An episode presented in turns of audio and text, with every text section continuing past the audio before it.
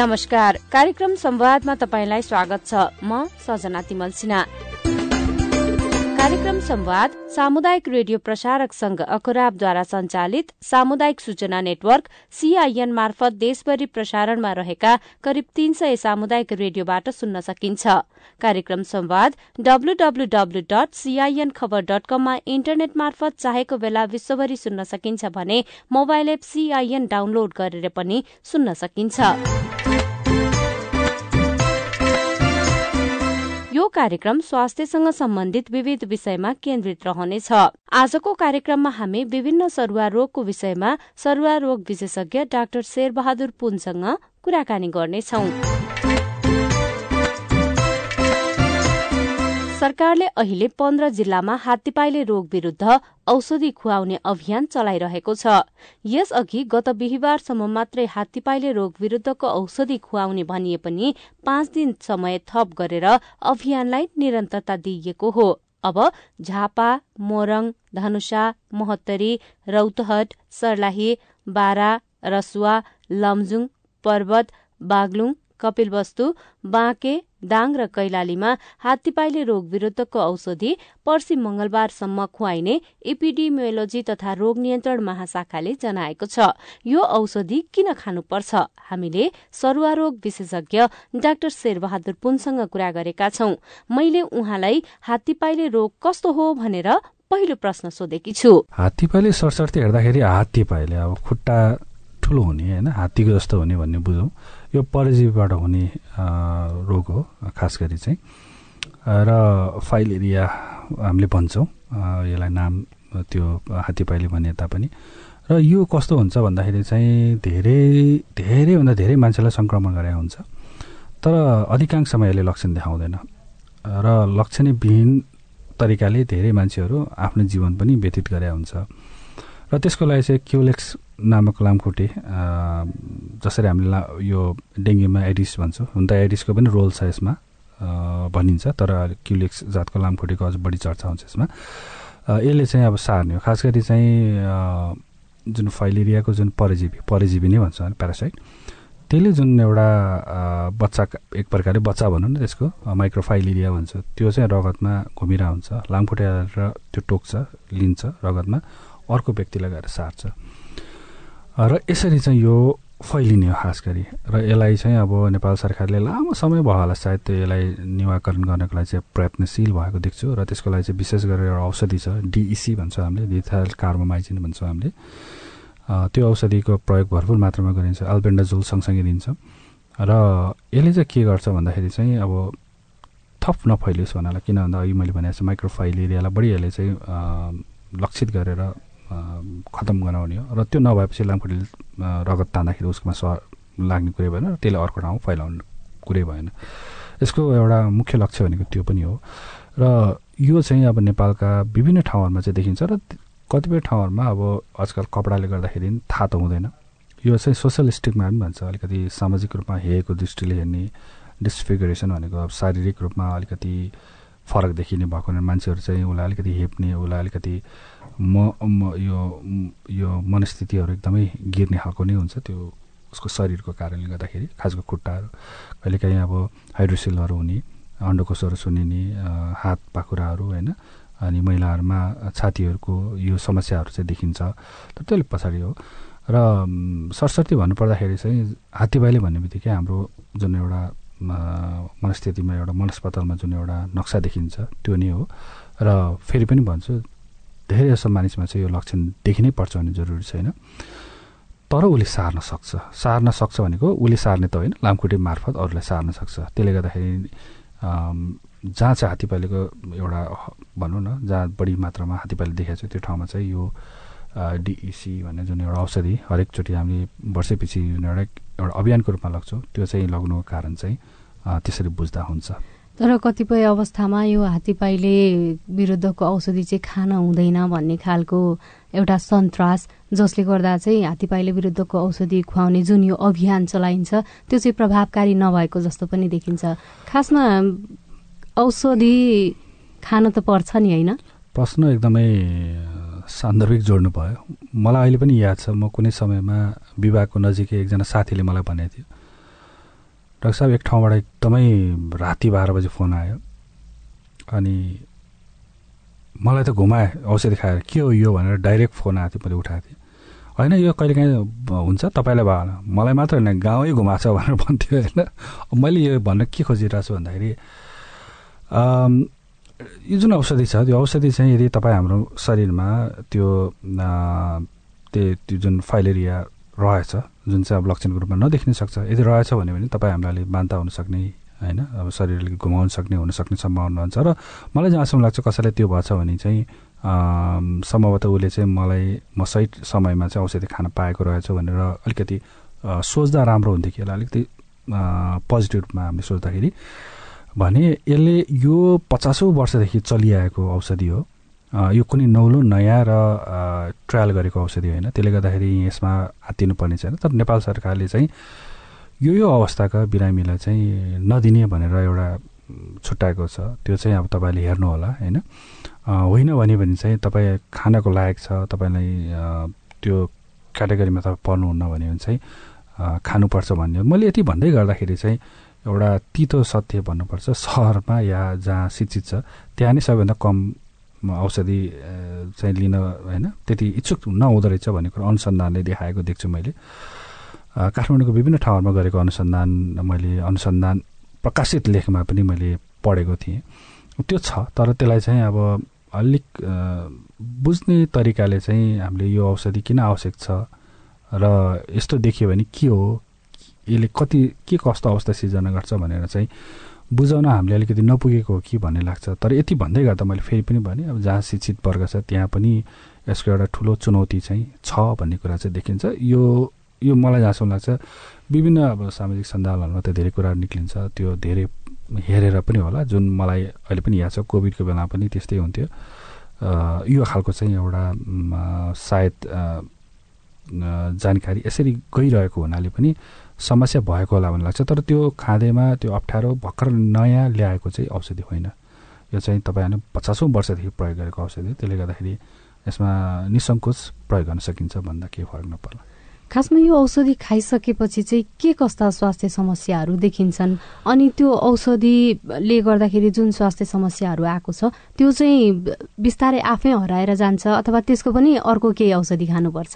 होइन त्यो त अब लक्षणमा आधारित औषधि नै बढी हुन्छ। अब धेरैले बान्ता भयो एकदम चक्कर लाग्यो भन्ने कुराहरू बढी मात्रामा गर्नुहुन्छ। त्यो केही समय हुन्छ र मैले अघि भनिहालेँ उहाँको शरीरमा यदि जीवाणु छ भनौँ फाइलेरियाको होइन परजीवी छ भन्यो भने अब त्यो सम्भावना झन् बढेर जान्छ भन्ने हो हरेक औषधिको केही न केही सानोतिनो साइड इफेक्ट हुन्छ। त्यसले गर्दा सिटामोल खाँदा पनि साइड इफेक्ट हुने हो। त्यो खालि हामीले ध्यान नदिएको मात्र हो। र यो त अब एउटा तपाईँको जिउँदै मार्ने रोग भन्छु मैले अर्को भाषामा। त जिउँदै मार्ने यो मानेमा कि तपाईँ त्यस्तो खुट्टा लिएर होइन तपाईँ कहीँ जान पनि सक्नुहुन्न। अहिले अलिकति लुगाले छोपिएला होइन तर पनि तपाईँ खुल्ला रूपमा हिँड्न सक्नुहुन्न। मैले धेरै देखेको छु सायद केही वर्ष अगाडि त धन्य आधा एक दर्जनको हाराहारीमा नै बिरामीहरू देखेको थिएँ। एकपटक तपाईँलाई यो समस्या आयो भने तपाईँ पहिला जस्तो पूर्ववत रूपमा तपाईँको खुट्टा हुँदैन। त्यसले गर्दाखेरि चाहिँ यति कुरा चाहिँ याद गर्नुपर्छ। र त्यसले के गर्छ भन्दाखेरि चाहिँ सम्भवतः मारि पनि नहाल्ला। तर मैले भने चाहिँ जिउँदै मार्छ। यो मानेमा कि तपाईँलाई सोसियल स्टिकमा भन्ने जुन एउटा शब्द प्रयोग गरिन्छ समाजमा हेरेको दृष्टिले नै अलिकति फरक तरिकाले व्यवहार गर्ने त्यो अवस्था चाहिँ सिर्जना हुन्छ जसले गर्दा तपाईँ एकदम मनोबल चाहिँ एकदम गिर्न सक्छ। त्यो आफैलाई पनि खुट्टाको बोझले गर्दा त्यो त छँदैछ। त्यो त छँदैछ। त्यो त्यो आफ्नो ठाउँमा छँदैछ। त्यो बाहेक तपाईँलाई बाहिरी मान्छेले हेर्ने जुन अवस्था छ नि त्यो त्यसले अझ बढी पीडा दिन्छ जस्तो लाग्छ है मलाई चाहिँ। यो रोग लागेको जस्तै विभिन्न रोगहरू सर्छ भन्छन्। यो तपाईँले अघि पनि भन्नुभयो लामखुट्टेले टोकेर अर्को व्यक्तिमा सर्यो सार्यो भनेदेखि सार्न सर्न सक्छ भनेर। सर्ने चाहिँ त्यसरी नै हो। यतिकै बसेर सर्ने चाहिँ होइन। त्यसले गर्दाखेरि लामखुट्टे हाम्रोलाई एउटा किटजन्य रोग अन्तर्गत पर्ने भनौँ यो। लामखुट्टेले सार्ने भएको हुनाले हामी लामखुट्टेबाट बच्नु पऱ्यो र अब लामखुट्टेबाट बच्नलाई साह्रै गाह्रो अवस्था रहेछ भन्ने कुरा डेङ्गु पनि देखिसक्यो होइन। त्यो कारणले गर्दा औषधि यदि खायो भने जस्तो एबिसिडी चारजना छ र यसलाई चाहिँ यदि केही गरी यो हात्तीपाइलेको परिजीवी रहेछ भन्यो भने उसले त्यो औषधि चारजनामा चारैजनामा नहोला तर उसले त्यो औषधि खायो भने उसको शरीरमा उसको जुन एउटा जुन परजीवी भनौँ सानो माइक्रोफाइलेरिया जुन छ शरीरमा निक्लिन्छ त्यो उसले लिन पाएन लामखुट्टेले। अनि त्यो लामखुट्टेले लिन नपाएपछि उसले टोक्न त टोक्छ उसले कोसिस त गर्ला तर बिसिडीले त कोसिस त गर्छ। तर टोक टोकाइ रोक्नलाई साह्रै गाह्रो। अनि त्यो लामखुट्टेले त्यहाँबाट सोट नै नपाएपछि त फैलिन सक्ने सम्भावना रहेन। र सामान्यतया छदेखि आठ वर्षसम्म बाँच्छ भन्छ। तपाईँले सुन्नुभयो होला धन्य छ वर्ष आठ वर्ष यो प्रोग्रामहरू हुन्छ। त्यो भनेको त्यतिन्जेलसम्म त्यसको चाहिँ त्यो जुन लाखौँ जुन एउटा माइक्रोफाइलेरिया जुन निक्लिन्छ त्यसलाई हामीले कन्ट्रोल मात्र गर्न सक्यो भने त त्यो परजीवीको त यसै पनि समाप्त भएर जान्छ। त्यसपछि चाहिँ ऊबाट सर्ने सम्भावना रहँदैन। यो आयुसँग चाहिँ अलिक सम्बन्धित छ भन्दा फरक नपर्ने यसको मतलब हात्तीपाइले भइहाल्यो भनेदेखि यसको उपचार सम्भव छैन। त्यसकारण पनि सरकारले चलाउने जुन यो अभियान छ त्यसमा औषधि खानु नै उपयुक्त हुन्छ। त्यो त्यो गर्यो भने चाहिँ कमसे कम थप मानिसहरूमा चाहिँ प्रसारण हुन पाउँदैन र पछि यस्तो अवस्था नहोस् जसमा चाहिँ आफू आफ्नो त जिउ भारी नै होला त्योभन्दा ठुलो पीडा भनेको चाहिँ आफू समुदायमा भिज्न एकदम गाह्रो हुने अवस्था सिर्जना नहोस् भन्ने हो। तपाईँ अहिले कार्यक्रम संवाद सुनिरहनु भएको छ। आज आइतबारको संवादमा हामी स्वास्थ्यसँग सम्बन्धित विविध विषयमा कुराकानी गर्छौं। आज हामीले सरुवारोग विशेषज्ञ डाक्टर शेरबहादुर पुनसँग कुराकानी गरिरहेका छौं। भर्खरै हात्तीपाइले रोग अनि यसबाट बच्ने उपायबारे कुरा गर्यौं। अब भने रेबिज रोग बारेको कुराकानी गरौं। रेबिजको बारेमा धेरै अध्ययन अनुसन्धान पनि गर्नु भएको छ। यही क्षेत्रमा निकै लामो समयदेखि काम पनि गर्नु भएको छ। रेबिज रोग कस्तो हो त्यो बुझाइदिनुहोस् न। रेबिज भाइरसबाट लाग्ने अब रेबिज होइन यो नेपालमा एउटा पुरानो रोगहरूमध्येमा हो। खास गरी चाहिँ जनावरको टोकाइबाट बढी देख्ने गरिन्छ र त्यसमा पनि विशेष टोकेर भन्नुपर्दा कुकुर बौला कुकुर सबै कुकुर होइन बौला कुकुरले टोकेर भएको देखिन्छ। त्यसपछि स्याल बुवासहरू जुन जङ्गलको नजिक त्यहाँ टोकेर भएको पनि देखिन्छ। मेरो हकमा मैले जिन्दगीमा दुई दुईवटा केस चाहिँ बिरालोले टोकेर भएको पनि देखाएको छु। यसरी चाहिँ यसरी बुझौँ कि कुनै पनि जनावरहरूले टोक्यो भने चाहिँ यो लाग्न सक्छ। यो एकपटक लगाएपछि चाहिँ लगभग मानिसको मृत्यु निश्चित प्राय हुन्छ। त्यसले गर्दाखेरि चाहिँ यसको विरुद्ध खोप छ। त्यसले गर्दाखेरि कसैलाई पनि टोकिहालेको अवस्थामा खोप लगाउनलाई हिचकिचा नगरौँ अथवा कमसेकम सम्बन्धित चिकित्सकसँग चाहिँ राम्रोसँग सरसल्लाह लिनुहोस्। गलत सरसल्लाहले गर्दाखेरि पनि रेबिज लागेको चाहिँ एकदम प्रशस्त उदाहरणहरू छ। त्यो कारणले गर्दाखेरि सही ठाउँमा तपाईँले सोध्नुहोस् कसरी चाहिँ यो रेबिज रोग मैले भ्याक्सिन लाउनु पर्ने नलाउनु पर्ने भन्ने कुराहरू आउँछ। पहिला पहिला खोप नपाएर मानिसको मृत्यु हुन्थ्यो भने आजकल खोप प्रशस्त सर्वसुलभ हुँदा हुँदै नै मरेको छ। यसको कारण मैले खोज्ने वर्षौँ प्रयास गरेँ र त्यसमा चाहिँ विभिन्न कारणहरू मैले चाहिँ पत्ता लगाएको थिएँ। जसमध्येमा सही सूचना नपुग्दा अथवा नदिँदा कसैले? कसै कसैले चाहिँ अब घाउ सानो छ कुकुर सानो छ भोलि जान्छु पर्सि जान्छु भन्दा भन्ने नजाने कतिपयले आफैले पर्दैन भन्ने खालको।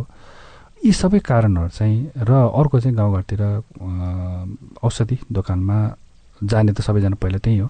उहाँहरूले चाहिँ पढ्दैन कतिपय कुराहरूमा पढ्दैन अथवा त्यो सही सूचना नदिँदाखेरि पनि मानिसहरूको मृत्यु भएको चाहिँ मैले पाएँ।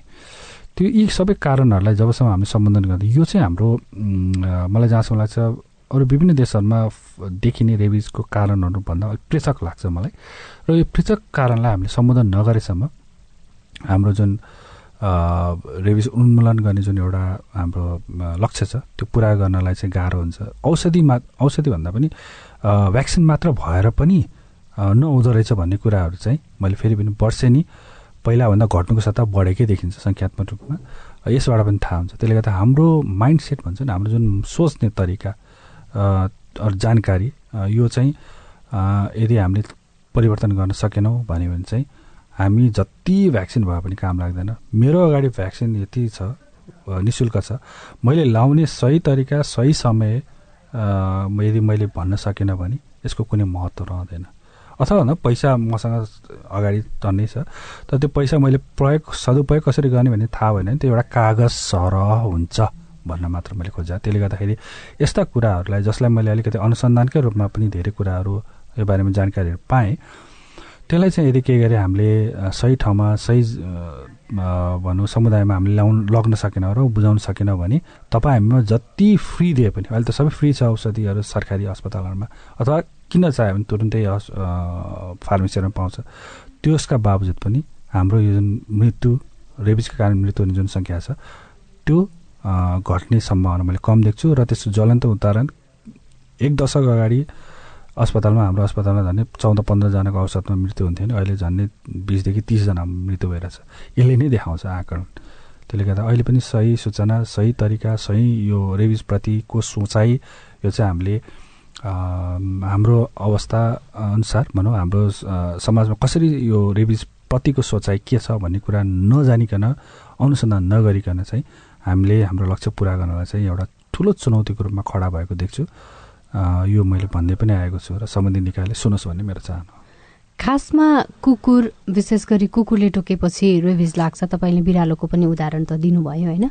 कुकुर अथवा बिरालो अथवा कुनै जनावरले टोकेको कति समयभित्र खोप लगाउनुपर्छ जसका कारण रेबिज नलागोस्? लाग्दैन। यो पनि एकदम सान्दर्भिक प्रश्न गर्नुभयो। मैले हिजो अस्ति मात्र सोध्दै थिएँ कहिले टोक्यो भने पैँतिस घन्टा बिस मिनट यति सेकेन्ड भन्थ्यो। म छक्कै परेँ किन यस्तो गरे भन्दाखेरि यति घन्टाभित्र लाउनु पर्छ अरे रक्साप भनेर आएको प्रश्न थियो। र यहाँनिर बुझ्नुपर्ने कुरा के हो भन्दाखेरि चाहिँ तपाईँहरूले कति बेला लगाउने यति घन्टाभित्र लाउने भन्ने हुँदैन। जति सक्दो चाँडो लगाउने हो। र कहिलेकाहीँ चाहिँ कोही व्यक्ति दुर्गम ठाउँबाट अथवा यो भौगोलिक दृष्टिकोणले टाढा छ र उसले समयमा लाउनु पाएन र आइपुग्यो भने पनि हामीले उसलाई फर्काउने होइन। हामीले लगाएर पठाउनु पर्ने हुन्छ। किन भन्दाखेरि नेभर टु लेट तर सकेसम्म चाहिँ हामीले एज सुन एज पोसिबल जति सक्दो चाँडो। र आयो भने पनि कोही व्यक्ति विभिन्न कारणले ढिलो आयो भने पनि ढिलाइ कहिले पनि हुँदैन भन्ने त्यो कन्सेप्ट मैले जहिले पनि भन्ने गर्छु त्यो शब्द।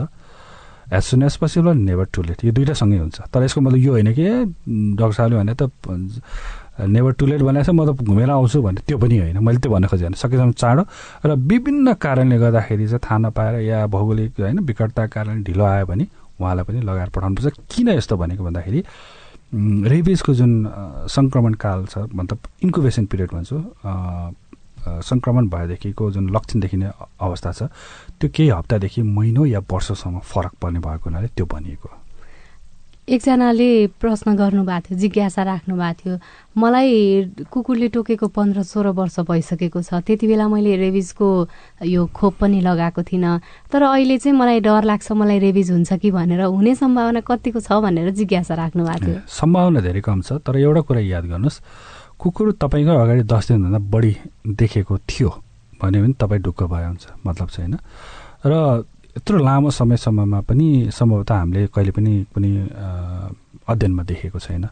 तर यस्तो कुराहरूमा चाहिँ सकेसम्म चासो लिनुहोस् र लगाउनुहोस् भन्ने चाहिँ म चाहन्छु। सामान्यतया कुकुरले अथवा जनावरले टोकेको कति दिनपछि व्यक्तिमा यो रेबिजको लक्षण देखिन थाल्छ? सामान्यतया चाहिँ एकदेखि तिन महिना भन्ने गरेका छ। तर टोकाइको भाग कहाँ टोकेको त्यसमा भर पर्छ। औँलाको टुप्पाहरू घाँटीभन्दा माथि गहिरो मल्टिपल बाइटहरू छ भन्छु। बहु घाउहरू छ। भने चाहिँ त्यो छिटो देखिन सक्छ। भनौँ एक महिनाभित्रै पनि देखिन्छ। नेपालमा यदि तपाईँले मलाई सोध्नुहुन्छ भने त्यो त एउटा किताबको कुरा भयो एकदेखि तिन महिना। सोध्नुहुन्छ भने चाहिँ ती अघि मैले भनेको ठाउँ बाहेक अरू ठाउँ टोकिएको छ भने चाहिँ छदेखि आठ महिनामा देखिएको छु मैले चाहिँ अधिकांशको। त्यसले गर्दाखेरि चाहिँ यसरी भनौँ सरसर्ती भन्नु पर्दाखेरि चाहिँ केही महिनादेखि वर्ष दिनभित्रमा अधिकांशको चाहिँ देखिन्छ भन्दा हुन्छ तर फेरि अघि महिना चाहिँ अघि टोकेको ठाउँहरू यदि भयो भने चाहिँ त्यो महिना दिनभन्दा अगाडि पनि देखिने गर्छ। कतिपय अवस्थामा अहिले पछिल्लो समय त कुकुर पाल्ने परिवार भनौँ कुकुर प्रेमीहरू पनि धेरैजना हुनुहुन्छ होइन? घरपालुवा कुकुरले टोकेको खण्डमा ए हामीले त यसलाई सुई लगाएका छौँ नियमित रूपमा तपाईँले लगाउनु पर्दैन भन्ने खालको कुराहरू पनि आउँछ। खासमा कुकुरलाई लगाएपछि व्यक्तिलाई त्यो कुकुरले टोकेपछि रेबिज विरुद्धको सुई नलगाए पनि हुने हो।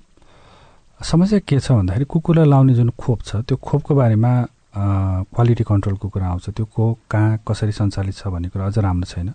हामीलाई चाहिँ के छ भन्दा मान्छेलाई रेबिज लाग्यो भने त मृत्यु हुन्छ अवश्यमा त्यसले गर्दाखेरि चाहिँ हामीले उसलाई जसरी बचाउनु पर्ने हुन्छ।